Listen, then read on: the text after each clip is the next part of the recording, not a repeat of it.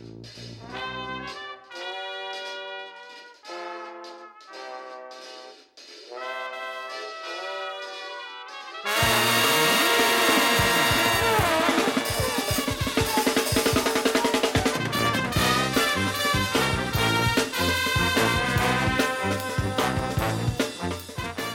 Helo a chroeso i benod rhif 81 o Ysbeidiau Heilo gyda fi Llywyd Owen. A fi Lee Jones lle byddwn ni'n rhoi sylw i'r pethau bach sy'n gwneud gwahaniaeth mawr i ni yn ystod y cyfnod hollol honco hwn. Yeah, baby! Wel, ni yn bodlediad wyth nosol a ni yn dibynnu arnoch chi yn gwrandawyr hyfryd i'n cefnogi ag i ledeini y gair. Gallwch chi wneud hwnna trwy rannu ein negeseuon ar Twitter ag ar Instagram, sbeidio'i hei pod ar y Twitter, sbeidio'i hei log ar Instagram. Ac os ych chi'n teimlo'n flush, gallwch chi daflu eich arian ato ni trwy co-fi a mae'r holl wybodaeth ar y link tree. Ie, yeah. peidiwch â lluchio arian go iawn. Gwnewch chi'n rithiol, achos bydd hynna jyst yn, chymod, yeah. bydd hynna'n brifo yeah. gennych chi. Ond ie, yeah, diolch i bawb sydd yn, uh, sydd yn cefnogi ni eisoes trwy hynny. Uh, Llwyd, mae gennym ni gwesta, wel, mae di... Wel, mae... Ti di jyst yn cael gwesteion o'r orsedd bob wythnos nawr. Dyna'r dyna y, y prif maen prawf ar gyfer cael gwesteion ar hyn o bryd. So, um, yeah, buckle up, cos mae hwn yn intro a hanner. Uh, yn ymuno gyda ni ar y benod yma, mae dyn sydd wedi cyflawni mwy mewn 40 o flynyddoedd na'r fydd y mwyafrif ohonom yn cyflawni mewn 4 canrif. I ddechrau, mae fe'n rhugl mewn 5 iaith ac yn dysgu chweched. Yn ail, enillodd gadair Eisteddfod Genedlaethol y Fenni 2016 yn drydydd. Mae wedi cipio gwobr llyfr barddoniaeth y flwyddyn ar ddau achlysur. Roedd e'n fardd plant Cymru rhwng 2013 a 2015 Mae fe'n gyflwynydd teledu a radio ac yn bod grefftiwr o fri, ac os nad yw hynny'n ddigon roedd e'n aelod o'r grŵp hip-hop anfarwol genod drwg ac yn bartner i Mr Formula yn y diwygiad. Mae'n anrhydedd pyr. I estyn croeso cynnes i'r pod, i'r prifardd, i'r doethyr, i'r ieithydd cyfrwys ei hun, Caradog, a neirin Caradog. Diolch o galon. Siarad i bai. Ie. Yeah. Da iawn. Oedd angen byclo mewn am hwnna. Nes i, nes i treial cyfieithu y cunning linguist i'r Gymraeg, ond sa'n gwybod pa mae'r llwyddiannus uh, yw'r ieithydd cyfrwys. Um, I don't know. Mae'n swnio'n fwy gweddus yn Gymraeg. Ie. Yeah. Mae'n. Mae'n. Dim lot, yeah, dim lot dim... o tymod, ieithydd cyfrwys os y ti'n gallu siarad chwech iaith ddo. Dwi'n ddim yn gyfrwys iawn, nag ydy. Na, na, dwi ddim yn... Siwr off gyda chi yn dweud. Ie. Mae cyfrwys yn awgrymu cadw fe chi'n yn anasleifio yn y cefndir, e? ynddo fe? So, ie, actually, mae'n lle, ma lle da i ddechrau. Oed ti, o'n i'n darllen ar dy wefan heddiw, bod ti'n rigl mewn pimp ac yn dysgu chweched. So, ti'n gallu just restru'r ieithoedd ti'n gallu siarad i ni? Iawn, felly mae pethau di newid ers fi sgwennu hwnna ar yng ngwefan. okay. Ond dwi'n dwi siarad Uh, fel mam ieithoedd Cymraeg a Llydaweg, Llydaweg gyda mam a Chymraeg gyda'n had am rawd, a wedyn, neu Llydaweg gyda mrawd os ni eisiau siarad am byti rhywun tu ôl i'w cefnau nhw, uh, sydd yn mynd i Llydaweg. Um, bach o Saesneg, ond mae hwnna'n rhoi trafferth i fi weithiau fi'n angofio geiriau Saesneg wrth i siarad. Uh, Ffrangeg wedyn, a wedyn yn yr ysgol yn Rydfelen dysgys i Sbeineg, a nes i radd mewn Ffrangeg a Sbeineg. A pan, o'n pan greus i'n wefan i byti gwbl o flynyddoedd nôl, oedd bwriad y fi ddysgu Cerniweg. Mae dal bwriad y fi yeah. ddysgu Cerniweg. Dwi'n gwneud un wers ar Say Something in Cornish, ond y gym o'na wedi galluogi fi weid yw uh, ni ala fi gewsel Cerniweg Pyr Ddawath. Nid ydw i'n gallu siarad cer Cerniweg Pyr Dda eto. Um, ond yn y cyfamser, dwi wedi mynd i ddysgu Portugeeg ar Duolingo rhwng y Sbeineg a Ffrangeg. Felly mae'r chwech iaith yn eu gosto muito falar português. É uma, é uma língua muito linda. Yeah. Wel, I don't know yn y teulu, ond dwi jyst wedi dod. so... Am y tro cyntaf ers. Am y tro cyntaf heno. o, oh, mae hwnna'n hyfryd. Mae hwnna'n hyfryd. A fi'n, fi'n, ti'n ma, fel rhywun sydd ddim wedi gorfod dysgu un iaith, er bod dwy gyda fi, ti'n ma, mae hwnna'n, mae ma, ma fe'n rhywbeth, ti'n ma, dwi'n, dwi'n, dwi'n, uh, ti'n ma, parch mawr i ti am, am, am hynny. Ti'n meddwl bod y... O'n i'n swnio, ydy e'n rhywbeth sy'n dod yn naturiol i ti felly? Neu ys rhaid i ti weithio'n galed, ti'n meddwl, pob tro ti'n mynd ati a meddwl, right, oce, okay, dyma ni, diwrnod un, iaith newydd. Ti'n gwybod, ys, ys na... Dwi'n gwybod. Mae ma, ma cynnal rigolder yn, yn cymryd gwaith ag ymdrech. Ond uh, y ffordd i ddod os hwnna yw mynd i'r wlad mm -hmm. a treulio wythnos yna a cael dy foddi yn yr iaith eto a bydd e'n dod nôl. Uh, Dwi'n ffindo hwnna gyda Sbeineg. Mae gyda ni ffrindiau, da fi ffrindiau yn Sbaen, o pan o'n i'n byw yn Sbaen yn ymlwyddyn dramor uh, fel gradd, ond mae gyda ni ffrindiau yn Llydaw sydd yn dod o dde America, felly dwi'n aml yn siarad Sbeineg gyda nhw. Mm. Um, ond, ie, yeah, a, a dwi ddim yn, a, di, a, a dwi eb ddysgu iaith yn iawn ers, ers dysgu Sbeineg. Felly, um, maen nhw'n gweud na nhw, um, bod chi, unrhyw beth chi moyn neud ar ôl bod chi'n saith, mwy, saith ar hugen mwy ddod, dim pwynt i chi achos diwch ymenydd chi ddim yn mynd i gymryd e mewn. So, croen ddeugen llynedd, o'n i eisiau trio profi ni na bod fi'n gallu dysgu hmm. iaith arall ac yn hoff o, hoff o'r ieithoedd lladinaidd um, ac oedd, um, wel, a o'n i'n meddwl, wel, os fi'n siarad dysgu uh, Portugeeg uh, Brazil, byddai'n gallu siarad gyda lot mwy o bobl yn fyna, a bydden nhw'n siŵr fod dal yn deall fi'n Portugal, ac yn Galicia, a Mozambic, neu llefydd eraill lle maen nhw'n siarad Portugeeg. Uh, nid, nid bod y fi fwriad i fynd i'r llefydd yna ar fus, ond byddai'n braf. Ie. Yeah, um, Handy rhan. Agor, agor dy fi. Ie, yeah, ti byth yn gwybod. Ie. Yeah. Na, super. Mae eisiau canrw opsiwn ar er agor yn does. Ac um, Tewa, fel nes i grybwyll ar ben y benod hefyd, ti yn... Ti wedi bod yn podgrefftio ers amser maith uh, gyda dy bartner Eirig Salisbury ar uh, podlediad barddonol Clera So beth, beth wyt ti'n gallu cofio pam ddechreuoch chi a ti'n mo, chi'n trefnu yeah. Henry gap neu be, beth chi'n neud? Co cofio'n glir, damwain o dde. Um, a ba, mae'r bai yn llwyr ar Sioned Mills. um, uh, just ar ôl steddfod y fenni, nath i fy nghynnwys i ag Eirig mewn trydariad yn gweud, uh, hei feirdd, lle mae'r podlediadau Cymraeg, barddol Cymraeg? A nghynnwys i ag Eirig.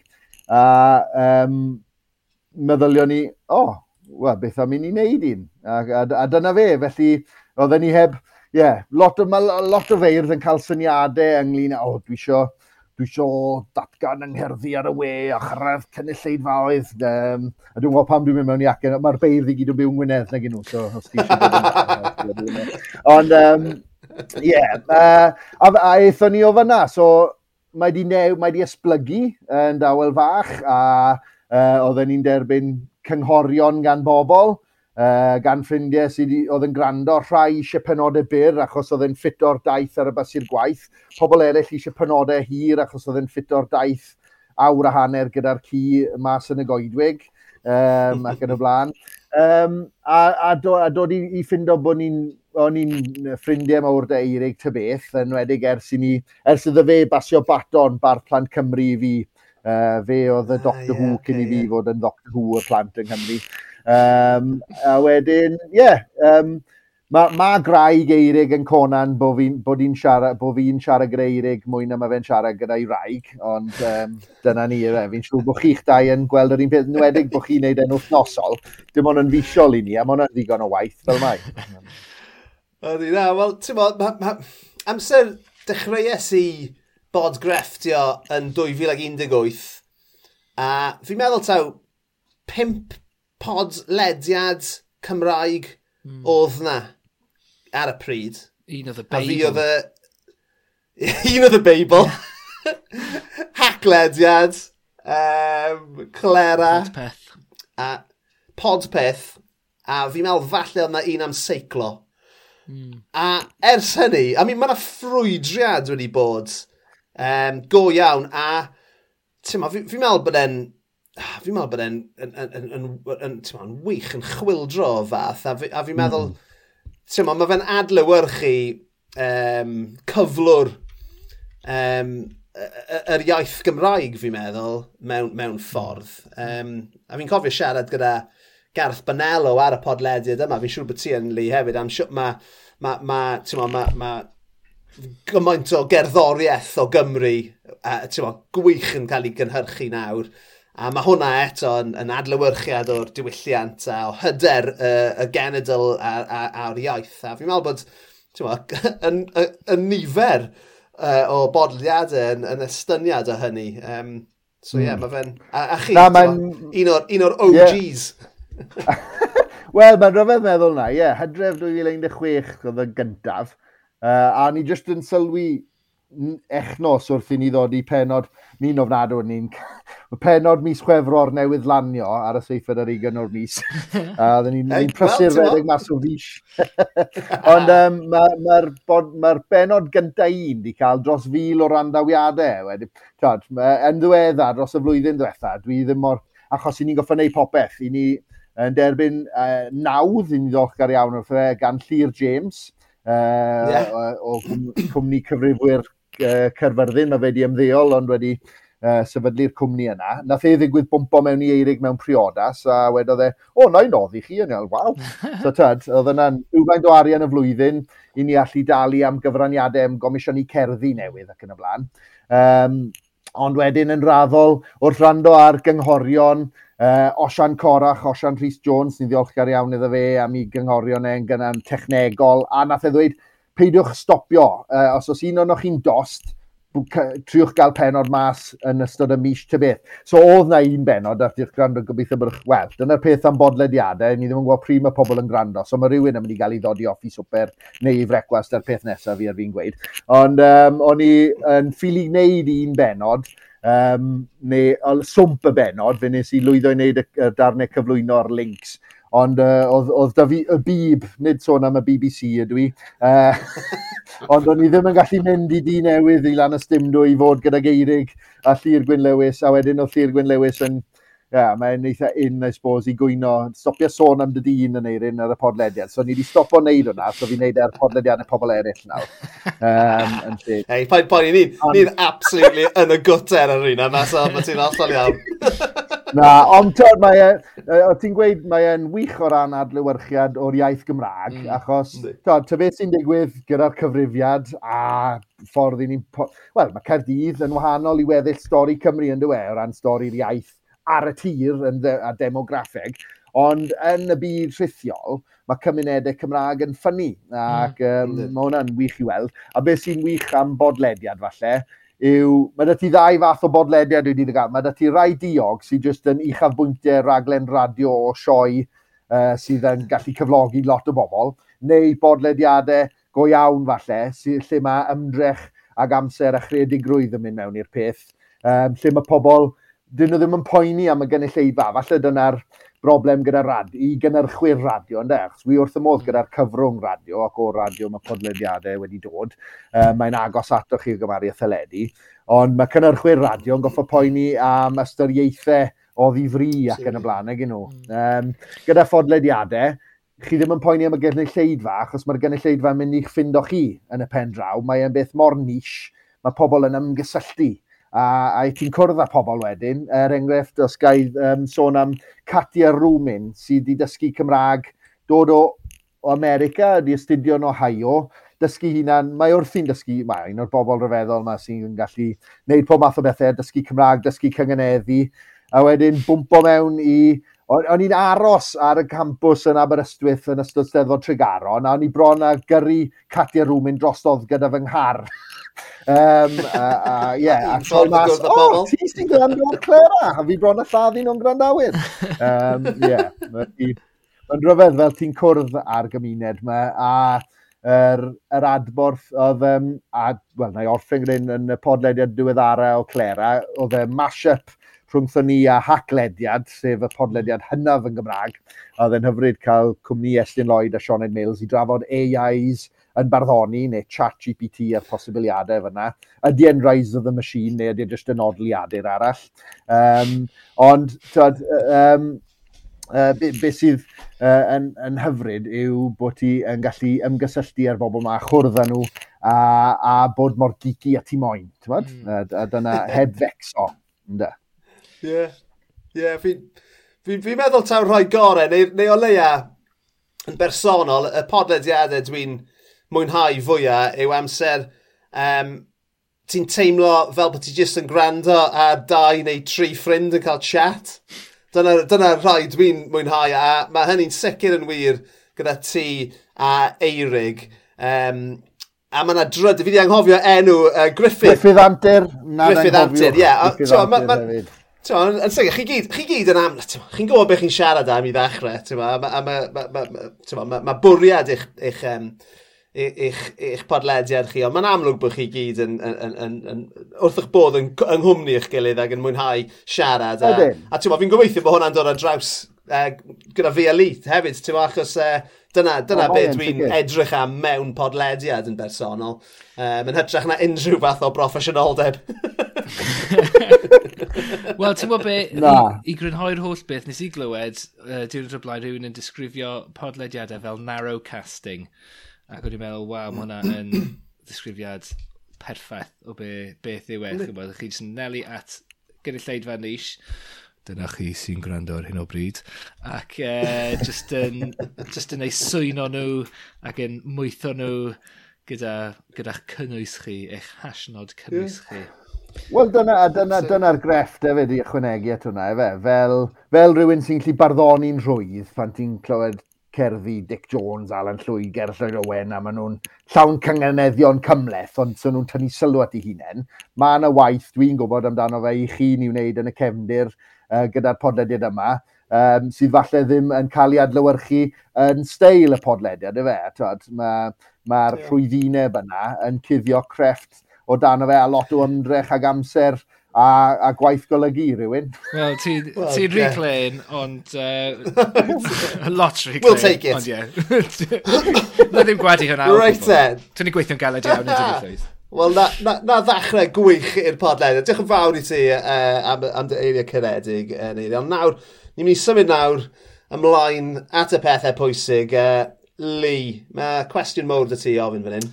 Wel, yn eirin, beth yw dy hoff gaws di? Um, dwi wrth fy modd gyda chaws, a un reswm allai ddim bod yn vegan falle, achos dwi wedi trio caws vegan a dwi e ddim quite yr un peth. Um, er i mi, twod, maen nhw'n gweud fake it to make it, a ni wedi trio bita fe am fish, a fel, na, na fi'n stopo. Um, dwi wrth fy modd gyda cheddar hynod o eiddfed a drewllyd, ond hefyd gyda chawsiau glas. Dwi'n wrth fy modd gyda dod at stand o gaws mewn gledydd eraill yn Sbaen neu Ffrainc neu'r Almain a darganfod rhyw gaws dwi ddim wedi i flasu o'r blaen. Ond fel arfer pethau hifennog, pethau a blas cryf, rhyw gamomber, drewllyd wedi stwffo yn y ffwrn yeah. gyda mel a garlleg wedi stwffo mewn iddo fe hefyd. So ti'n ti real mor... gawsiwr? Ie. Yeah. Ydw, caws wedi toddi, caws caled, caws gyda ffickl. Dwi'n yn stico caws gyda bron popeth dwi'n ei goginio. Yeah. Yeah, na. Ond falle, fi, fi gyda ti. dewis cheddar eiddfed. Ie. Yeah. Yeah, lovely, lovely. Dim, sim, sim, ma, os na unrhyw fath o brand loyalty ti gyda ti, os gyda ti, ti'n hoff cheddar, uh, ti'n achos, ti'n ma, ma, os ti jyst yn mynd am yr un, yr un mwyaf eiddfed ti'n lli ffindo. Ie, yeah, os mae'n gweud vintage, a fi am hwnna'n hytrach na mature. Um, yeah. Ond os oes na ddraig arno fe, byddai'n fwy tebygol o, pryn, o brynu hwnna, un o'r os ddim yn blasu mor neis. Um, felly, yeah. na. Um, ond wedyn... Ti'n wlad yeah, garol, ma... hyd yn oed yn dy gaws. Ydw, ond na'n amlwg, dos na ddim dreigiau mynd i fod ar gawsiau Ffrainc, a Ffrainc yw gwlad y cawsiau yn ôl y Ffranco, dy fe. Ie, yeah. yeah. na, good. So, os... Um, Wyt ti'n ti cael caws i frecwas cinio at e? Dwi wedi yn y gorffennol, a byddwn ni'n hapus i wneud. Um, pan o'n i mewn cyfnod o redeg yn ddiweddar, o'n i'n meddwl, reit, na i, um, dwi wedi heiddi os o'n i'n redeg yn gynnar yn y bore, byddwn ni'n dod nôl a wedyn byddai'r platiad mwy o ridiculous o chamon Serrano, neu Cymaddon Ham, fel maen nhw'n galw fe ffordd un, um, twad, ham amrwd, byddai pickles, falle Haddock wedi i fygu a'i sychu. Um, mm. Bydde yna gigoedd a chawsiau a pob math, bydde hwnna'n frecwas delfrydol ar ôl bod yn redeg. Ond dwi e fod yn redeg yn ddiweddar, felly dwi'n fwy o fita caws gyda'r hwyr. Um, o ti, ydy hwnna'n... Ffordd bloc, mm, bloc o gaws a bach o, o bicl arno fe, yn gallu mynd y tîm bell. ydy hwnna'n effeithio ar dyfreuddwydion, fel maen nhw'n gweud? Um, Na, mae'n rei... Ydy ni'n cael regi ar y podlediad un? Oh, fel... fel morwr. Mae'n reiddwydion wedi bod yn fucked up ers blynyddoedd, felly na. A ti ddim yn beio'r caws am hynny? Na, na. Na, I mean, dwi ddim yn, dwi ddim yn, um, yn credu bod yna. Dwi'n dwi, dwi un, Na, na i fwyta caws yn hwyr yn y nos dim problem, ti'n ma, na i, uh, e, right. na i gael grilled cheese right, sani am, am ganol nos. Eh? Right, Humble brag. nice. Humble brag, mech fel fraich. Yeah, baby. Dwi'n fwy parod i gredu bod y lleiad wedi wneud o gaws na bod caws yn effeithio dy hyn llefe. Mm. Na, mm. wel, be, be, be, dwi e ddim wedi cael ei wneud o gaws? Sorry. Anyway. Wel, sa'n gwybod. Rhaid ni fynd naeth yn yma. Anyway, ti'n gwybod bod ti'n cael pickles dy fe? Os na bickle arbennig ti'n offi neu, ti'n modd, ti'n just yn ddyn Branston? Ie. Yeah. Wel, mae'r ma, ma brand yna yn, yn, yn dderbyniol iawn. Dwi'n joio chutneys o bob math, nwedig, os maen nhw'n rhai cartref, uh, fe? Yeah. A winwns di piclo hefyd. Mae hwnna'n mynd yn oh, dda gyda chawt. Ti'n gwybod, ti'n gwybod be? Mae hwnnw, hwnnw'n ateb mor dda, ti'n bod, a mae wedi bod yn amser hir ers ni gael rhywun sy'n really yn caru'r holl, yr holl, yr holl ddiwylliant o amgylch caws a'r, ti'n bod, sundries o gwmpas e. Chos fel arfer ni'n cael, o ie, falle dwi'n hoffi hwn a hwn, ti'n bod, a dwi'n cael hwn dros dolyg falle. Ond na, beth dwi'n hoffi yw, ni'n siarad am gaws yma yma, a ni'n siarad am, am bita caws, a tymod, well, pob dim o amgylch y peth. Ie. Y ddefod. Coddi caws. Dipo selsig mewn i gaws, pob ma'n ffilm ond. Ond i hefyd yn siarad gyda dyn fan hyn sydd wedi byw yn Ffranc, yeah. yn Llydaw. So, ti'n beth yw'r beth yw'r gwahaniaeth Ti'n Tyma, a fi, fi'n sort of gwybod yr ateb fel rhywun sydd wedi bod i Ffranc, a fi'n siŵr bod Lian hefyd, ond tyma, mae yna ma wahaniaeth yn y diwylliant sydd yn wneud y caws, yn dos e? Os, os. Um, uh, Tyd, i ti'n bita caws Uh, dwi'n meddwl, reit, dwi ddim yn cofio'r drefn, dwi'n meddwl bod ti'n bita caws yn Ffrainc ar ôl y pryd bwyd cyn y pwdyn, a dwi'n meddwl mae drefn yn draddodiadol yn Prydain yw ar ôl y pwdyn i ddod â'r caws yeah. mas. Um, so hwnna, ond mae ma cawsiau rocffor, uh, bod, cawsiau glas. Mae fy modryb, wel, ie, yeah, dwi wedi cael fy magu ar gaws fy modryb a fy, fy ewythyr yn Llydaw oedd yn ffermio geifr yn ogystal â bod yn bencampwr canu bombard a bagpipes. A oedden nhw'n neud i caws i hunain o lath geifr a oedd e'n fendigedig. Felly mae, ie, yeah, caws gafr. Ti'n meddwl godro gafr? Ydw. Ie, yeah, good. Fi'n hoffi. Fi'n beth yn meddwl byddwn ni'n deb. Trio cadw ddyn stond yw'r trwbl. Gyti ddwy oer, mae'n rhaid. Ti'n rhythm, ie. Ie, na mae'n eitha. Mae'n ma eitha cynnes hefyd. Ie, yeah, ti eisiau twymo dy ddwylo, cer i ffind o hmm. gaf. Seith mewn na. Seith mewn i'r ceg. Lovely. Wel, na ni, na ni. Ti'n gwybod be? Ti'n gwybod be, Neu, Fi, fi, fi di gofyn i gymaint o bobl ar y podledion yma os maen nhw wedi godro dafad neu gafr. Neb wedi dweud. A ti'r cynta, ti'r cynta fi'n meddwl, i, i ddweud beth ti wedi, so fi'n... Fi'n falch iawn, ei, mae fe, ma fe it's paid off, finally ni, finally. Wel, dim ond gafr fi wedi godro, a so e wedi godro dafad na pethau am genach. Na, sim, sim, sim neb wedi godro gafr, so sim, sim syniad y fi sut maen nhw'n gwneud Manchego yn un man, achos sim neb yn cyfadda fi'r peth, ond um, mae rhaid bod rhywun yn. Um, so ie, yeah, i, i, i ddilyn mlaen o'r, uh, or cwestiwn am dy hoff gaws, mae yna ma gwestiwn cysylltiedig um, A'r cwestiwn yn syml yw, sawl, sawl cheese grater wyt ti berchen ar? Um, yn rhyfedd iawn ar y foment, achos fy sefyllfa bersonol, dim. Felly dwi'n dim goffod, fel rhywun sy'n caru caws, uh, dwi'n defnyddio cyllell. A dwi wedi oh. dod yn dda yn creu siafins caws, neu sleiso oh, yeah, yeah. Uh, corneli bant, neu dorri ciwbiau. Um, a, a dwi'n ffindo bod ti'n gallu cael um, yr un math o bleser gyda, gyda gwneud hynny i ti'n gallu cael... Um, Chi'n cofio'r ffilm uh, Goodfellas, lle maen nhw yn y carchar a maen nhw'n disgrifio fel oedd Pauli yn llwyddo i ddefnyddio rasel i dorri'r garlleg mor denau fel bod e'n toddi yn y menyn. Wel, allai di wneud yr un peth gyda chaws os ydych chi lafn da, a ti di gael heine, tene, tene, neu rai mwy chunky yeah, yn dibynnu ar beth y ddefnydd. Tip, tip from the top, os ych chi eisiau gwneud, uh, e, ti'n mo, dan y tene iawn, llafnau, tene tu hwnt o gaws, yw i ddefnyddio plicio'r uh, e, tatws mm. i wneud e. Mae fe'n oh, well. gweithio yn berffaith. Yeah. Wel, dwi, dwi, well, dwi ar fy ennill o, o fod mae heno i ddysgu am hwnna. Diolch o galon. So gobeithio mi, gobeithio mi'n blicio'r tatws dy ti o leia. Dyle ti fod ar pnawn da. Tips, picio caws. Hey man, fe, fe na i wneud unrhyw beth am arian, so ti'n mo, galwch fi.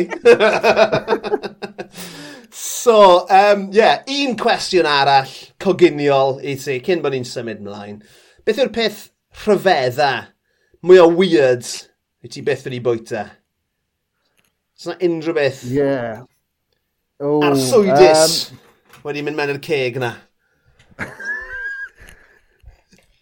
Dwi'n meddwl falle fy mod i wedi bita tackle carw, uh, tarw rhywle rhywbryd. Mm. Ond, mm. ond falle mae hyn sefyll yma. Ti di feddwl o'n amlwg. Ie. Dwi'n cofio um, yn y 90au, oedd Tesco wedi dechrau gwerthu steaks kangaroo Mm. Um, oedd hwnna'n anarferol. Um, Wel, ie, yeah, a gweud y gwir, y er, peth rhyfedda, ond dwi'n dwi, dwi licio fe, yw selsig sy'n cael ei wneud yn Ffrainc o'r enw Ondwy, os chi'n gwybod beth yw hwnna, sef selsigen sydd wedi gwneud oddi mas o bledren uh, mochyn. Um, felly mae e'n drewi fel byddech chi'n disgwyl, really. Oh, Ond mae pobl wrth i boddau gyda fe. Um, Cheesy spunk. A wedyn, os, os, os, os wyt ti'n gallu llwyddo i gael cusan wrth rhywun ar ôl bita ond dwyd, dyna i ti wir ystyr cariad. Am ateb gwych iawn. O, oh, yn eirin caradog. Mae gen i...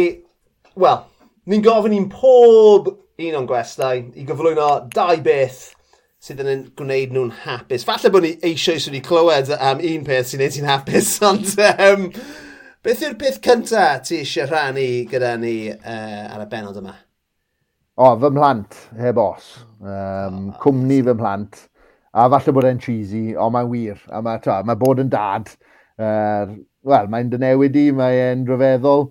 Ti llawn brafado cyn ti ddod yn dad, a wedyn ti fel, oh, waw. Tad, mae'n dynnu di lawr i'r ddeiar, mae'n dygodi di lan i'r entrychion. Ac um, yeah, a maen nhw'n dysgu pethau i ti yn dyn nhw. Um, am um, siwt, siwt i fyw yn well fel person. Mm. A tyd, os, os dwi'n colli'n limping gyda'n plant, maen nhw jyst maen nhw just yn chwerthu'n arna i nawr. a sydd y ydi gore. A, felly, a wedyn dwi'n gweud, gwneud, hollol serious! A maen nhw'n ma nhw neud nhw chwerthu mwy. Um, felly, ie, yeah, yeah. mae... Ma, ma Owenau plant... Faint oed y blant uh, e, neu? Mae Sisial yn dathlu ei ffem blwydd dydd iau, yr er ail o fawrth. Um, so wedi bod. Um, yeah, uh, yn un ar ddeg. Yn un ar ddeg mlynedd ddod, sydd yn rhyfeddol, beth mae'n blwyddyn ôl yn ysgol gynradd, a bydd hi'n mynd i ysgol maes y Gwenredd, a wedyn mae Erwan yn chwe mlynedd ddod, a bydd e'n saith ym mis awst. Ond mae, o'n i'n eistedd yng Ngerddi Soffeia di Sadwrn, yn gwylio sisial uh, wel, yn gwylio lleisial yn eistedd lawr ar y llawr am lot o'r diwrnod, ond rhwng y, y darnau diflas hynny, oedd hi'n neud gymnasteg, ac oedd e'n wych cael bod yna gyda, gyda fy mab yn ei gwylio hi a'i chyfnogi hi, a mae wrth i bodd gyda Phil drod, um, mae hi yn licio um, fy arferio ni o ddysgu pethau ti'n gallu chwythu ac wneud cerddoriaeth gyda nhw. Mae'n canu'r ffliwt mae'n um, Mae'n lico arlunio, um, mae hefyd yn lico TikTokio, ta beth yw hwnna. uh, ac yn a wedyn mae ma fy mab yn cymryd ymlaen fy, emos, uh, fy obsesiynau unau hefyd. Uh, mae'n obses gyda rhufeinied uh, ac yn ddiweddar y Titanic, ond fwy o foll, um, oedd e'n joio reslo, so wythnos cyn Clash at the Castle, nath yn fab i ddod yn obses gyda reslo. So oedd rhaid ni fynd iddo fe. so, ni wylio WWE. Siwp rofydd oedd yna?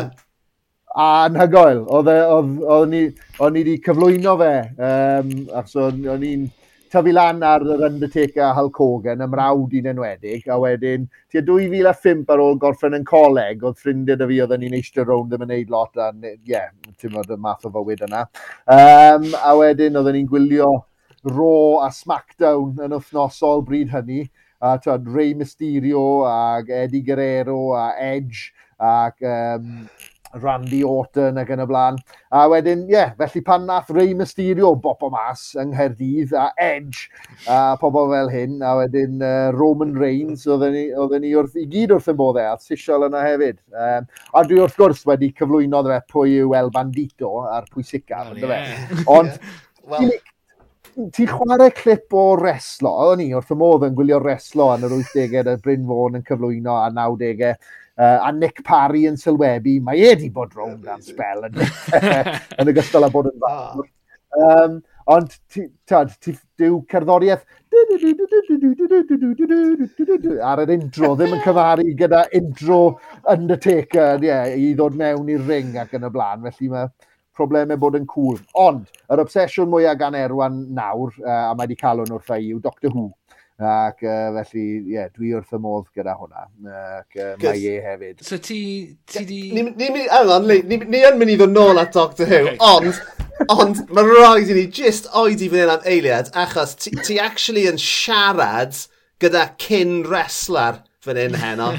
ti yn siarad gyda dyn sydd wedi ymgodymu, sydd wedi ymaflid codwm. Na! Yn broffesiynol li? Uh, Ges i'n dalu i wneud e? Na, ddo, nes i ddim cael yn halu, ond oedd e mewn rhyw neuad pentref rhywle yn, uh, yn Sir Gair rhywle. Uh, rhyw, wow! Rhyw pentref bach yn fanna. O'n i mewn rumble. Beth oedd dy enw?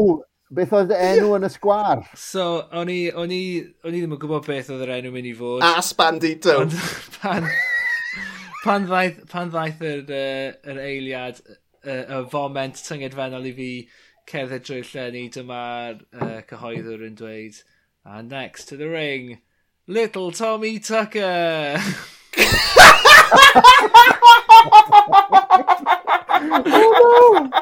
oh no! Oh, fucking hilarious! Oedd gen i... Dath yr ornes honno i Tommy well, Tucker bach. Oedd gen i, oedd gen i migraine, o'n i ddim eisiau bod yna, e, achos dwi'n dwi really, really sensitive. Os dwi ddim yn cael cinio, dwi'n cael migraine, mae hwnna just yn really, really weird. Ond o'n i heb cael, heb cael cinio, so o gen i migraine. O'n i ddim eisiau bod yna, dyma little Tommy Tucker. Yn amlwg, ti'n bod, achos ti di'r person newydd, mae yna fel, kind of right of passage, basically, yn does, lle mae'r ma, r, ma person newydd yn cael chwip tîn. Uh, ac uh, dyna, ti'n bod, dyna beth sy'n digwydd, ti'n mynd mewn, e, ti'n cael chwip tîn. Like, chwip tîn go iawn, ti'n bod, pobl yn, ti'n bod, slapio chi a really, come on, bwrw chi, a wedyn lluchio ti allan, a wedyn dyna ni, job done. Ond ie, dyna ni. Efe, hwnna, fi'n gwybod fi'n ni siarad am hwnna'r blaen ar y podledd. Ond fi'n methu cofio, efe hwnna oedd yr unig dro i ti... Yr unig dro, ie, yr e? unig dro i fi, ti'n bod, bod ar sioe, ond ti'n bod, nes i... Ti'n bod, Oedd gen ti freuddwyd i fynd... Oedd gen ti freuddwyd i fynd i yr uchelfannau yn y byd reslo?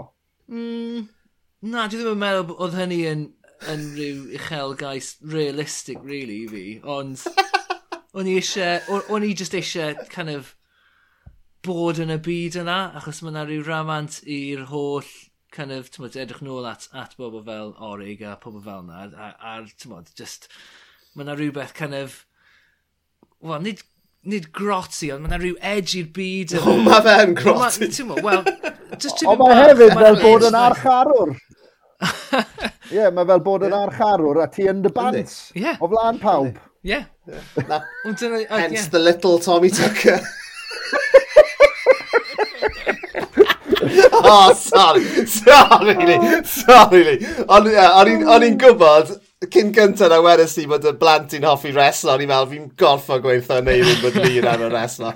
Cos mae fe'n peth, un o, un o fy hoff, fy hoff bethau am Lee yw bod e wedi actually, ti'n ma, wrestler go iawn. I mean, sim, sim lot o bobl o ddi fi fi'n gallu gweud yna, se? Sim lot o bobl yn, ond, uh, ie, mae'n rhyfeddol. Dwi wedi cael un... Os gael, os gael, dwi wedi cael un foment o reslo go iawn pan o'n i'n yeah. fyw ar wedi saith ac o'n i yn difrio reslo uh, yn ffôl iawn i wrth Orig Williams a fante yn gweud, be? wrth ti eisiau gwybod os di o'n go iawn, mewn at i'r ring ma. Ac yn y ring oedd Barry Tenfoot, sef Mason yeah, Ryan yeah. oedd y WWE yn disgwyl, yn greased up i gyd yn ei olew, a oedden ni'n gwybod bod e'n mynd i wneud rhywbeth i fi, so oedden ni wedi strapo'r er, er, er walkie-talkie talkback yn dyn, a, a nath e'n hwli fi rownd uh, fel, fel rhyw sach o o fananas llipa. Um, ond yn y ffordd mwyaf neis. Ac o'n nhw'n siglo dwylo yn neis iawn yn y peth ar ôl i. O, oh, mae hwnna yn uh, Amazing. Wyt ti wedi darllen bywgraffiad El Bandito? Na, na dwi heb gael y fraint, mae eisiau fi. O, mae fe ar gael o wefan neu trwy'r lolfa. Fi'n gwybod bod e fyna. A fi'n meddwl, fi'n meddwl taw pimp bint, yw e? a O, oh, mae fe'n ma fe ffantastig. Mae ma, ma stori fe, ti'n mo, fel, fel rhywun oedd yn gwylio reslo ar Brynawn di Sadwn, ac yn gweld El Bandito, ac yn gweld e fel, ti'n mo, caricature. O'n i, on i ddim, on i ddim, on dim syniad y fi be oedd e actually wneud i'r chwaraeon, um, i'r mm. gamp mm. o'r o, mm. o ymgodymu. Achos oedd e'n lot mwy na just wrestler. Mm oedd e'n drefnydd, oedd e'n hyrwyddwr, oedd e'n... Oedd e'n gyrru giant haystacks i Pakistan i ymladd, ti'n ma? Mae ma, ma stori fe'n anhygol. Dyma'r thing yw, dwi'n meddwl bod pobl yng Nghymru yn gwybod hwnna, achos yng Nghymru mae gennym ni dieddiad i... Chwa, ma, os oes rhywun yn Gymru Cymraeg a maen nhw'n gwneud rhywbeth, bydd uh, cyfryngau yng Nghymru yn gwybod amdanyn nhw a bydden nhw'n cael platform bach a mae pawb yng Nghymru Cymraeg yn gwybod o dyna'r dyna, person sy'n gwneud hwnna, maen nhw'n Gymro Cymraeg neu beth bynnag a felly falle mae'n yna tueddiad i bobl yng Nghymru meddwl o, oh, orig oedd y wrestler Cymraeg. Felly dyna, dyna sut ni'n gwybod amdano fe. Ond os gyfynwch chi i unrhyw un sydd wedi yeah. ymwneud â reslo ym Mhrydain dros yr hanner canrif diwetha pwy oedd Orig Williams, maen nhw'n gwybod. Maen nhw'n gwybod. Achos yeah. Achos mm. dyna'r dylanwyd mae wedi cael ar uh, y ddiwydiant yn, yn, yeah. yn, yn Mhrydain. Just, ie, yeah, cawr oedd hi. Yeah. Yeah. Enwo, dim e, dim enwo. dyma'r tro cyntaf hefyd... i siarad am orig ar y, ar y, ar y podlediad yma. Os oedd e'n y newis i, bys ni'n siarad amdano fe bob wythnos. Absolute ledge. A, yeah. yeah. Ond, a di um, yeah. mor ddiwysiedig so, hefyd. Mm. Oh, oh, rhyfeddol. Mm. Rhyfeddol. A... Yn gallu adrodd barddoniaeth mm. a hmm. tod, agweddau yw gymeriad. Orig, definitely yn dewis caws Cymraeg dros caws Ffraneg bob tro. Ac yn cicio tîn y caws Ffrangeg hefyd yn y blwthi. Definitely. Oh, anyway, yeah. sorry, sorry am dorri ar, ar, ar, ar draws ti fyna, neu, ond oedd oedd roed i fi rannu hynny uh, am lig gyda ti, oedd roed i fi. Mae fy mywyd wedi ei gyfoethogi o'r herwydd. Yr unig beth dwi eisiau gweld yw footage o'r ddau o'n chi yn cael eich taflu rownd Wel, mae hwnna yn archifau Tinopolis yn Llanelli rhywle. Um, Nallwn ni cais. Yeah, yeah freedom, freedom of Information Act. Yeah. oh, gwych. And anyway, so, no, plant, ni gyd yn dadau fan hyn. A, ti'n mo, mae fy mhlant i uh, bach, bach yn hun, so fy, fy, fy unig gyngor, a fi wedi rhoi'r cyngor yma i Lee cyn hyn yw, gwrewch y mwyaf ohonyn nhw tra bod nhw'n ifanc. O ie, dyna um, oedd y cwestiwn. Dyn nhw ddim yn hoffi chi am sy'n maen nhw'n dod i'w arddeg, e? Eh? Na. Beth yw oedran dy blant di nawr, llwyd? 16 ac 13. So, ie. Yeah. Ti'n mo, a fi wedi colli nhw. Mae rhaid i mynd. Mae rhaid i mynd. Mae rhaid i mynd. Yr unig be maen nhw moyn wrtho fi yw lift, bwyd ag arian. A ti'n mo? A that's all, all I got to give. Oes, oes, merch pedair mlynedd oed. Um, Yeah. yeah. Mae hi, oh. mae hi yn hyfryd. Mae'r oedran yna'n hyfryd. Yeah, mae'n hilarious. Yeah. Mae wedi dechrau, um, o'n i'n cerdded fyny grisiau tôl i ddi neithiwr, so mae'n cymryd i bath, a just, pob tro ni'n dweud rhywbeth, ddi just yn troi rownd a just mynd, shh, shh, shh, fel na. A dwi'n just yn, ti'n pisio'r chwerth yna, neu hi, mae'n just mynd, shh, shh, o hyd. A felly nes i ddweud wrth i ti'n wel, pan ti'n mynd i meithrin bore fori, just gna hwnna i'r athrawon achos bod nhw'n meddwl bod hwnna'n hilarious. A dyma hi, a nes i ofyn iddi, nes yeah. ti wneud hwnna? A dyma hi'n dweud, ie, yeah. a gwneud nhw ar y llawr yn chwerthin, dyna pa mor ffynnu oedden ni'n meddwl oedden ni. Ie, yeah, ti, oh, ti ddim yn gallu cael get away gyda hwnna amser ti'n bedair oed ac yn cute. Yeah. Cos, yeah. ti'n Ti'n methu wneud yna amser ti yn dar ddegau, ond... Um, yeah. a, a, a, cwestiwn, cwestiwn, oedd hwnna just, just rhywbeth wedi popo i'm hen i, ti'n o ti'n gweud bod ti'n dilyn dy blentyn lan y grisiau, um, fi yn cymryd bod y ddau o'n chi yn ankle tap o'ch plant wrth mynd lan y grisiau. Ie, yeah, just tynnu ma, ma hi lawr. Yeah, Mae ma pawb yn neud hwnna, na? Ie, tynnu hi nôl. Just yr, an yr ankle tap yn hilarious yn mynd lan y grisiau, na yma? E? Falle taw dyna pam dwi'n plant i ddim yn off i fi. Shit, fi jyst yn gwneud y cysylltiad. Dyna lle ysdi'n wrong yeah, yeah, hey boss. Ond, um, yeah, I mean, just, ti'n mo, yeah, man... trysorwch nhw, boys, mm. trysorwch nhw, cos mae'r ma ma ma berthynas yn newid wrth bod nhw'n mynd yn hun, fel, fel mae'n fod, yma, fel mae'n fod, ti'n mo, nath o, ti'n mo, fi'n cofio yeah, un peth yn digwydd. Ie, yeah, cymaint o straeon yeah, yn ystod lockdown er yn enghraifft, nath Erwan yn, yn, yn fab i, oedden ni wedi gosod y babell yn yr ardd, a oedd hi mor braf yn y cyfnod clo cynta. Yeah a oedd angen rhywle i ddianc o'r tŷ a taflu mwy o grap o'r tŷ mewn i fyna. Um, a wedyn oedd Sisial ag Erwan yn yr ardd, a Sisial me, rhedeg mewn uh, yn panico, achos oedd Erwan wedi bod yn stico blodau yn ei glistiau. Um, a felly rhithrwyd ei glan gwili.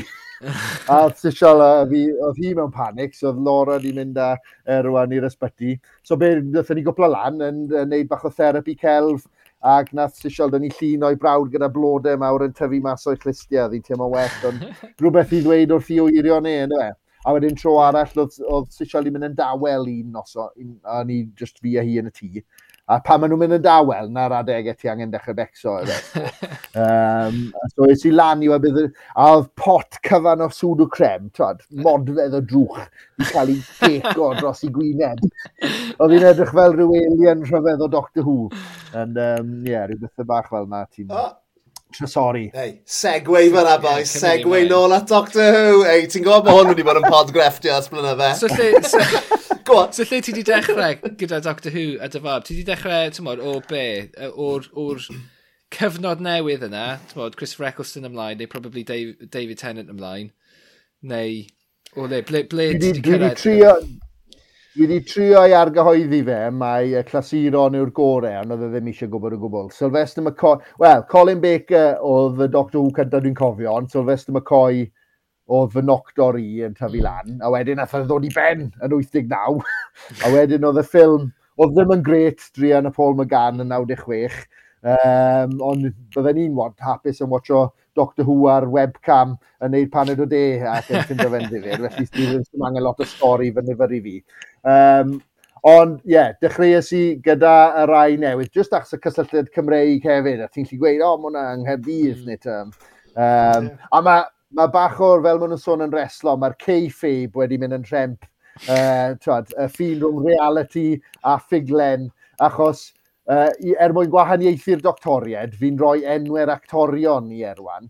Felly, um, so wnaethon ni, na, nath e'n gwylio i benod gyntaf yn gwylio, oedd Christopher Eccleston, a so dwi'n meddwl nath e job yn gwych yn yr um, yn y gyfres honno nath e. Ond unwaith dath David Tennant, droi oedd e mewn i David Tennant, uh, na gyd mae Erwan yn, yn, yn, mae wrth i fodd gyda David Tennant, a mae'n galw fe'n David Tennant. Ni'r doctor, David Tennant. Um, a mae'n gweud, uh, ma, trod, am, am y tridiau cyntaf, oedd e'n ailadrodd y, yr uh, llunellau cyntaf mae David Tennant yn gweud ar ôl ail ymgnawdoli os mae dyna regeneration yn Gymraeg. Loves it. That's right. Fel gwybod llwyd fel cyfieithydd wedi meddwl am y pethau yma. Oedd yna'n hyfryd. Fi dod eto. Ond, e- Erwan yn gweud, um, where was I? Oh yes, oh, new teeth, that's odd. Oh, Barcelona. Ac, um, yeah, oedd y llinell yn, yn atsain yng Nghlystiau pawb gyda Erwan ar y dechrau. Ac mae wrth i fod, mae'n mynd, mae mynd i ddiau, uh, mae'n ddiwrnod y llyfr yn yr ysgol, a mae'n mynd wedi gwisgo fel David Tennant achos bod yna rhyw gyfieithiad o lyfr Doctor Who Cymraeg yn rhywle. Fydd ah. yn gyfiawnhau'r peth. Um, Doctor Pwy? Ond, ie. Yeah. oh, gwych, man. Um, gallai just, um, ffocysu am eiliad ar enwau hyfryd y blant. Sisial mm. ag Erwan, dwi'n uh, wrth y modd gyda reina. Um, Erwan, I mean Sisial, y gwynt, fi'n cymryd yw enw canol hi. Um, er, efo lle yw Erwan? Yn Llydaw, neu... Na, um, Wel, Erwan yw nawdd sant Llydaw. Mae e hefyd yn ah, nawdd sant uh, cyfiawnder neu'r cyfreithwyr. So falle bod yna rhan o'na i yn meddwl, o, os byddai byth mewn trwbl yn ddiweddarach, byddai'n sianelu hwnna mewn i'w enw, enw fe, bydd yn gallu amddiffyn fi yn y llys. Ond, um, Mae'na yeah. ma garwog um, gan Mike Stevens yn does am Erwan? Os. Os, mae lot o... Ma, e, ma, felly mae'r ffaith bod yn nawdd sa'n Llydaw, mae'n e, un o'r enwau mwy a cyfarwydd yn Llydaw.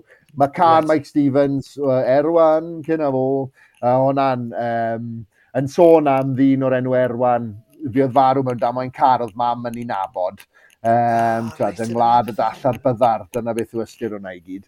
Uh, so dda'r enw yn yn ymwybod i ers yn ifanc iawn. A mae e hefyd yn golygu iwen, fel y goeden, um, U3 um, yn Llydaweg. Felly, falle bydde fe'n iwen, neu falle bod Owen, dwi'n yn gwybod os ydy'n enw di yn gysylltiedig ar goeden, um, o ran llwyd Owen falle Llwyd Iwen, um, Ywain, ie. Yeah. Ond Erwan, um, nawdd San Llydaw a'r goeden Iwen sydd yn gallu bod yn goeden hynafol ac mewn um, fel yr goeden sydd yn honedig uwch beth Dafydd Apgwyl yma fe. Ond mae fe'n erwan teifi, um, a wedyn mae Sisial, Sisial yn Sisial Maila, so mae enw Cymraeg a enw Llydaweg dyn nhw am yn ail.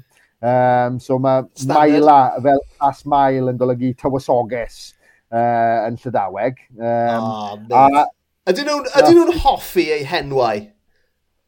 Ydyn fi'n credu. Um, yeah. Wel, o'n i bron a cael fy ngalw yn Brendan.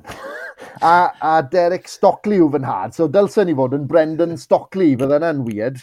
Um, bydda sawd a. Ond maen nhw, yr, maen nhw yn hoff, oedd um, uh, Lauren Becso am yr enw erwan, oedd dim enw dy fem tu a pethefnos ar ôl cael ei eni, ond ni'n trio perswadio ddi, hi na thewis Sisial, a ni wrth ymwrdd o Sisial, achos mm. um, oedd e ddim yn enw llyfrau Cymraeg Heini Griffith, felly yn oh, great, yeah. Rhyw, rhyw, rhyw, Off-paced, bai. a wedyn ffones i'n had pan gafodd hi geni, a wedyn si, o, wedyn e, os enw dy chi, a wedyn si, os, uh, Sisial, a wedyn e, Sisial? Again, yw hwnna berf yw hwnna chan. Ond yna fe. Uh, felly mae'n... Uh, mae ond um, Erwan Teifi, oedd Loran poeni bod y wan yn mynd i wneud feson o'n wan. Ond o'n i fel, na, o'n i'n testo'r enw mas gyda pobl e. O'n i'n gweud, o, oh, Erwan Teifi, so no fel enw cadarn. A mae yna dau reswm am y Teifi wedyn, um, sef uh, gafodd ei, oedd e fod i gael ei enni diwrnod cyn ennill y gader yn y fenni. Um, a teulu Dick Jones oedd yn droi'r gader i gofio hanner camlwyddiant Dick Jones yn ennill i gader fawr e yn 1966. Um, a, wel, tase fe wedi dod yn y pafiliwn uh, uh, diwrnod yn ystod y seremoni'r cadeirio, bydden ni wedi bod yn fardd y gader wleb falle, neu rhywbeth fel yna, dwi'n gwybod, bydden ni wedi bod yn dipyn ddrama. Ond wedyn, uh, y peth arall oedd ein bod ni wedi um, uh, diwrnod cyn i enni, oedd Laura dros y dyddiad nawr ac wedi syrffedi, a felly oedd wedi llwyddo, mae hwn yn sôn am dodgy as hell, oedd wedi llwyddo gael apwyntiad drwy ffrind gan fenyw o Rwsia oedd yn Aberteifi, uh, oedd yn rhoi pressure point massage i ddod ar tonau a'r contractions yn ei blaenau. A fe weithio dde ar bore wedyn. A wedyn y trydydd reswm oedden ni ar ddiwedd y diwrnod yna eithon ni Aberteifi'n cerdded yn nyfroedd uh, padlo yn, yn nyfroedd afon teifi ar drath popit. Um, Lovely. a, well, a, a, edrych nôl, dim ond chydig flynyddoedd nôl sylweddol ys i, does dim traff gwell i fynd os ti eisiau cael babi mas na popit. E? oh my god. Ti'n gwybod be, os ti'n gofyn i fi am enw fy merch i, geid i'r ateb, wel, enw fy nain a dyn ni'n hoffi'r enw. Ond os ti'n gofyn i prifar am enwau blant e, bloody hell ti'n cael ateb da.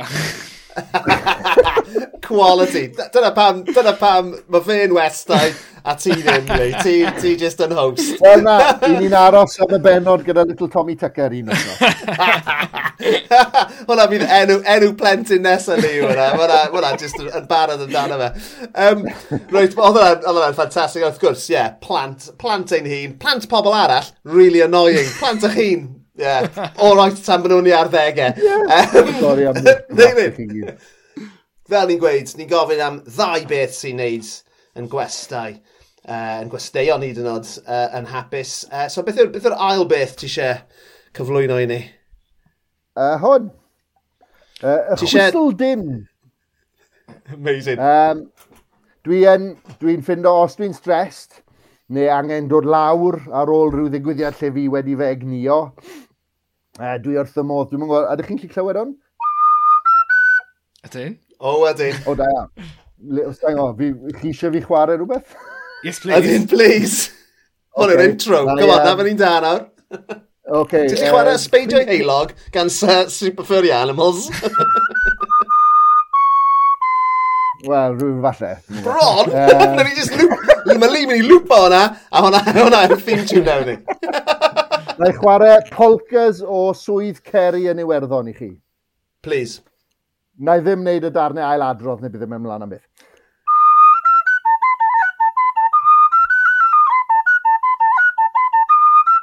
Beth sy'n digwydd fyna? O, oh, dwi'n meddwl bod uh, y meddalwedd recordio wedi, wedi uh, gweld hwnna fel rhyw ad sign a wedi blocio'r sign. Gyda ni un nodyn. Nodyn. Oh, Wel, dwi'n siŵr oedd e'n swyddo'n Mae'r meddalwedd, mae'r algorithm yn i mynd, fucking hell na! Yeah, Rise of the Machines nhw ddim yn hoffi cerddoriaeth werin.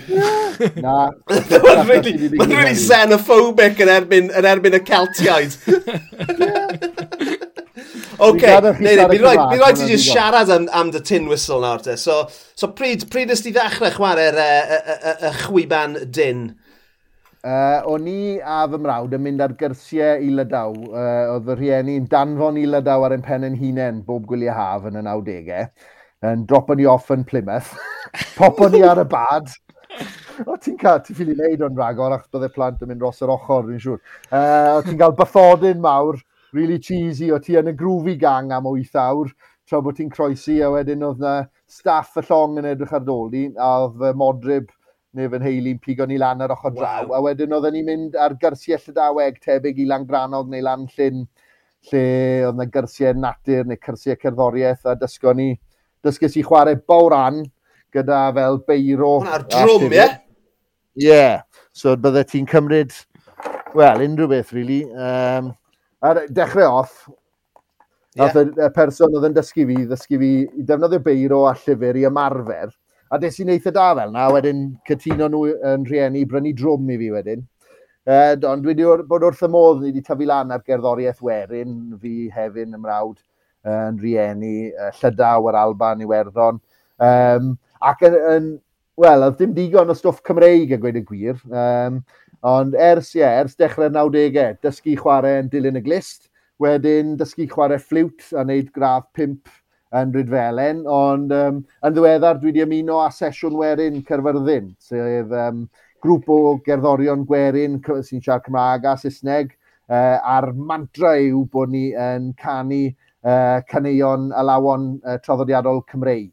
Uh, Mae hwnna'n wych, a felly er enghraifft di sado nesaf nawr, ni'n ni rhan o, o byred dewi, gwyl ddewi drwy'r dre ac i ni'n marcho ac yn canu'n hoffer yna wrth gerdded. Felly, um, yeah. Wow. Gwych. Gwych, wel mae angen hobi ar bawb yn does? Wel os. Ac, um, wel, yn union. A, a dwi, dwi fel arfer yn chwarae'r men y hun achos dwi'n bobl yn gwmpas i fel arfer ddim yn joio clywed fi'n chwarae. Ond dwi'n meddwl bod fi'n eitha da. Ond dyna ni. Wel, dim, dim, dim yn ôl y meddalwedd. Falle os dwi'n neud rhywbeth araf, dwi'n mynd gwybod. Gewn ni weld, mae'n werth treol eto. Oce, okay.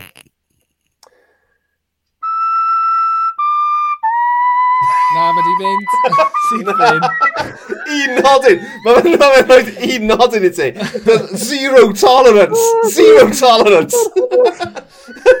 basically, basically, mae'r meddalwedd yma yn cael ei redeg gan uh, Pretty Patel. Um, just he, zero tolerance i unrhyw un sydd ddim yn dod o Lloegr.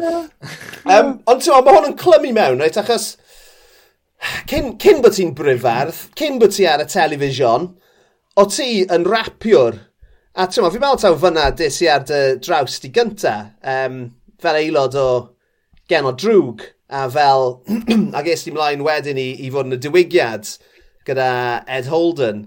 Um, wyt ti'n ti gweld eisiau dyddi yna? Um, ydw dwi'n dwi'n falch bod fi wedi wneud nhw, ond maen nhw yeah. yn eu cyfnod. Felly, wedyn ni ddim bod fi'n gweld eisiau nhw, Ond dwi'n falch... It's a young man's game e- yn eirin. Ie, yeah, na'r peth dwi'n dwi, edmygu Ed Holden i ddal allu bod yn rapio'n agosau at i ddeugen o'i ddod.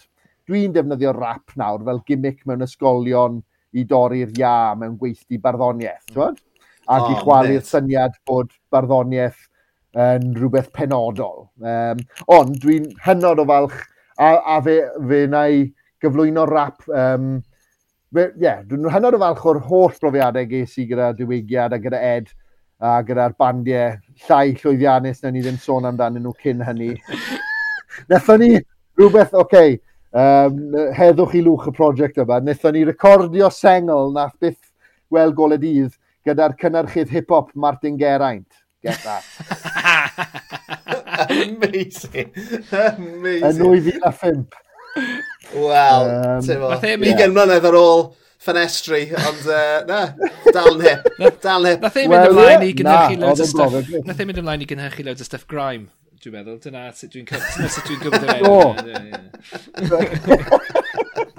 Na, ond oedd e- yna, oedd e yna, oedd yna yn brofiad dach gyda Martin yn gyda'i gwir o weld studio, achos oedd mm. ni mewn bandiau hip-hop ar yr adeg na, ond heb unrhyw syniad o gynnyrchu pethau a dod i gwrdd ag Ed a Dylmei wedyn, o'n i'n gweld, o oh, waw, fel un ti'n ti cadw cofnod o'r pethau ti wedi creu yn ogystal â wneud e'n fyw. Um, ond dwi wrth y modd yn defnyddio rap lle dwi'n gallu. Um, mae yna bobl yn gofyn fi wneud prosiectau, dwi'n hwyr iawn a chi'n gwybod pwy i chi, chi'n ymdde, fi'n ymddeheiro.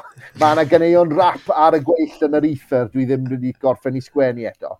Um, neu uh, fel rhan o sioe nes i gyda Ed Holden a Martin Dawes a Zaru ac Daniel Williams, yr athro Daniel Williams. Nethon ni ddefnyddio darlith oedd Daniel i sgwennu am Dylan Thomas yn America a dy canmwyddiant Dylan Thomas a Hugh Vaughan Williams ar y bas dwbl. A wedyn nethon ni gyd ar daith yn beatboxio, rapio a barddoni o gwmpas mewn a mas o'r ddarlith yma. Felly mae defnyddio rap fel ffurf credigol, mynegiant credigol, dal o ddiddordeb i fi.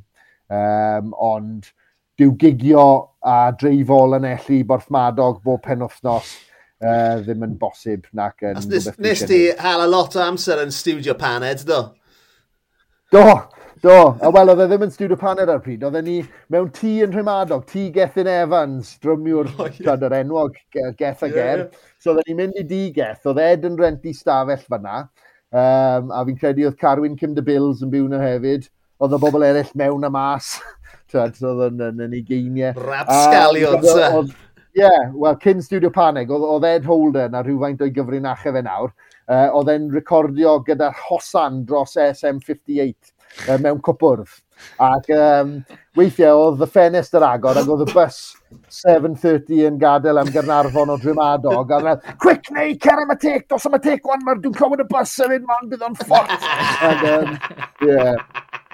A wedyn, cyn studio Paner hefyd, y profiad, wel, sydd fi'n falch bod yn aros yn ei amser wedi rewi, yw mynd i studio gardol Ben Main gyda'r ieir a'r mm. bikers oedd yn cymryd speed a pomodo, allan ti'n gweld, dylen ni'n gweud yna. Ond na fe, a yr nutters oedd yn neidio mas o'r berth gyda chainsaw, a hiya, you alright? A rhywbeth fel un. Ac, um, Ie. Yeah. Felly... Na lle, wrth gwrs, oedd Dyl, oedd Dyl May yn byw am gwbl o flynydde. Nes i recordio fyna hefyd. Um, dwi ddim yn cofio dyl. Fi'n meddwl oedd e cyn amser dyl, ond nes i recordio gyda band heavy metal o'r enw Lung yn uh, studio Gandol Belmain. Uh, nôl yn... Bys fe'n like, 95-96. Um, yeah. Un o'r enw Morris oedd ia fe. Yeah, na pwy oedd e, ie. yeah. A fe, fe nath, e sort of, Nath e roi'r studio i dal neu rhywbeth. Nath e ddim un o'r gwerth. Nath e just, nath e oh. Oh, just gweud, ti'n lli symud mewn. Ond tod, fyna nath Dylmei recordio album seminal, mm. a pawb yn bonkers am yr album yma, yn 2005, oedd uh, wyneb dros dro Gwyneth Glyn er enghraifft. Yep. Tod, ti'n dychmygu yeah. Jaws ar y slide gitar yn y studio yna, yeah. a'r cyneuon enwog sydd fyna. Um, a oedd yeah. yna, gyd wedi cael ei wneud fyna. Ar label Slacker mm. hefyd, yeah. tod. Na, superb. O, na, mae'n briliant. Na, profiad y bendigedig. Mae'n gweud, mae angen hobi ar bawb ohono ni, ond... Um, Reit, wel, ti'n mo be, uh, Neirin, uh, mae'n ma, amser i'n dod at y terfyn fan hyn, ond diolch yn fawr i ti am dreulio amser gen i. Cyn, cyn, cyn bod ni'n gweud ta ta, um, plugs yw'r darn olaf o'r podlediad, so ble, ble gallwn ni ffeind, ble gallwn yn grandawyr ffeindio ti ar-lein? Um, Wel, gyda gyd, licen ni blygio uh, fy ngwaith bob dydd. Dwi'n rhan amser yn gweithio yn y Dryndo Dewi Sant gyda chanolfan Penierth. Os ych chi angen unrhyw adnoddau addysgiadol, um, Ffrangeg, Cymraeg, Sbeineg, uh, Penierth yw'r lle i chi fynd, werth nodi'r plug yna, um, neu wersi Cymraeg, mae canolfan rhagoriaeth hefyd yn gwneud gwaith arbennig. Um, hefyd, os ych chi eisiau gwybod mwy amdana i, ond dwi ddim yn diweddaru fel lot, ond allwch chi gysylltu â fi i drefnu gweithdau mewn ysgolion er enghraifft drwy fy ngwefan yn eirin Caradog uh, yn eirin gyda dwy dot ac cyradog gyda C dot Cymru, neu ar Twitter neu cyradog. Uh, neu dwi newydd ymuno ag Instagram yn hwyr iawn uh, gyda rhyw syniad o fod yn Instafardd mewn bywyd i ddod, dwi'n yn gwybod. Ond yeah, um, dwi eisiau well. just defnyddio Instagram i rannu barddoniaeth a barddoniaeth weledol, falle, mewn rhyw ffordd. Ond um, e- dwi'n dal well, i weithio hwnna. Dwi'n edrych mlaen yn fawr i weld be bynnag ti'n neud nesaf. Neu, Ac wrth diolch. Os gael ddweud yeah. um, podlediad Clera. Uh, Clera. Yeah. wrth gwrs, wrth gwrs. Um, yeah, diolch yn fawr iawn i ti. Uh, mae wedi bod yn absolute pleser cael dy gwmni di ar y benod yma. A uh, yeah, pob lwc gyda popeth. Diolch fawr. Diolch yn galon i chi.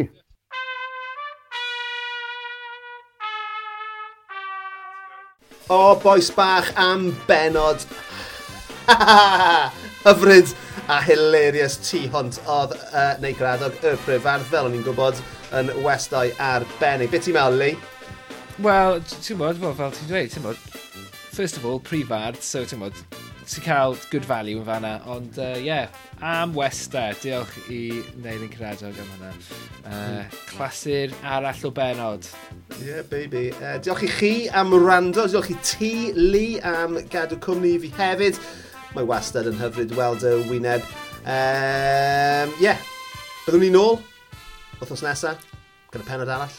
So tan hynny, cymerwch bwyll a cymerwch... A rwch, rwch, a rwch cysan i rywun. Rwch gysan i rywun. Dyna gwaith yeah. cartre. Yeah, go on. A rwch gysan i rywun. Iawn. Oh, touch on the top. Ta-da. rwch gysan i rywun. the fuck?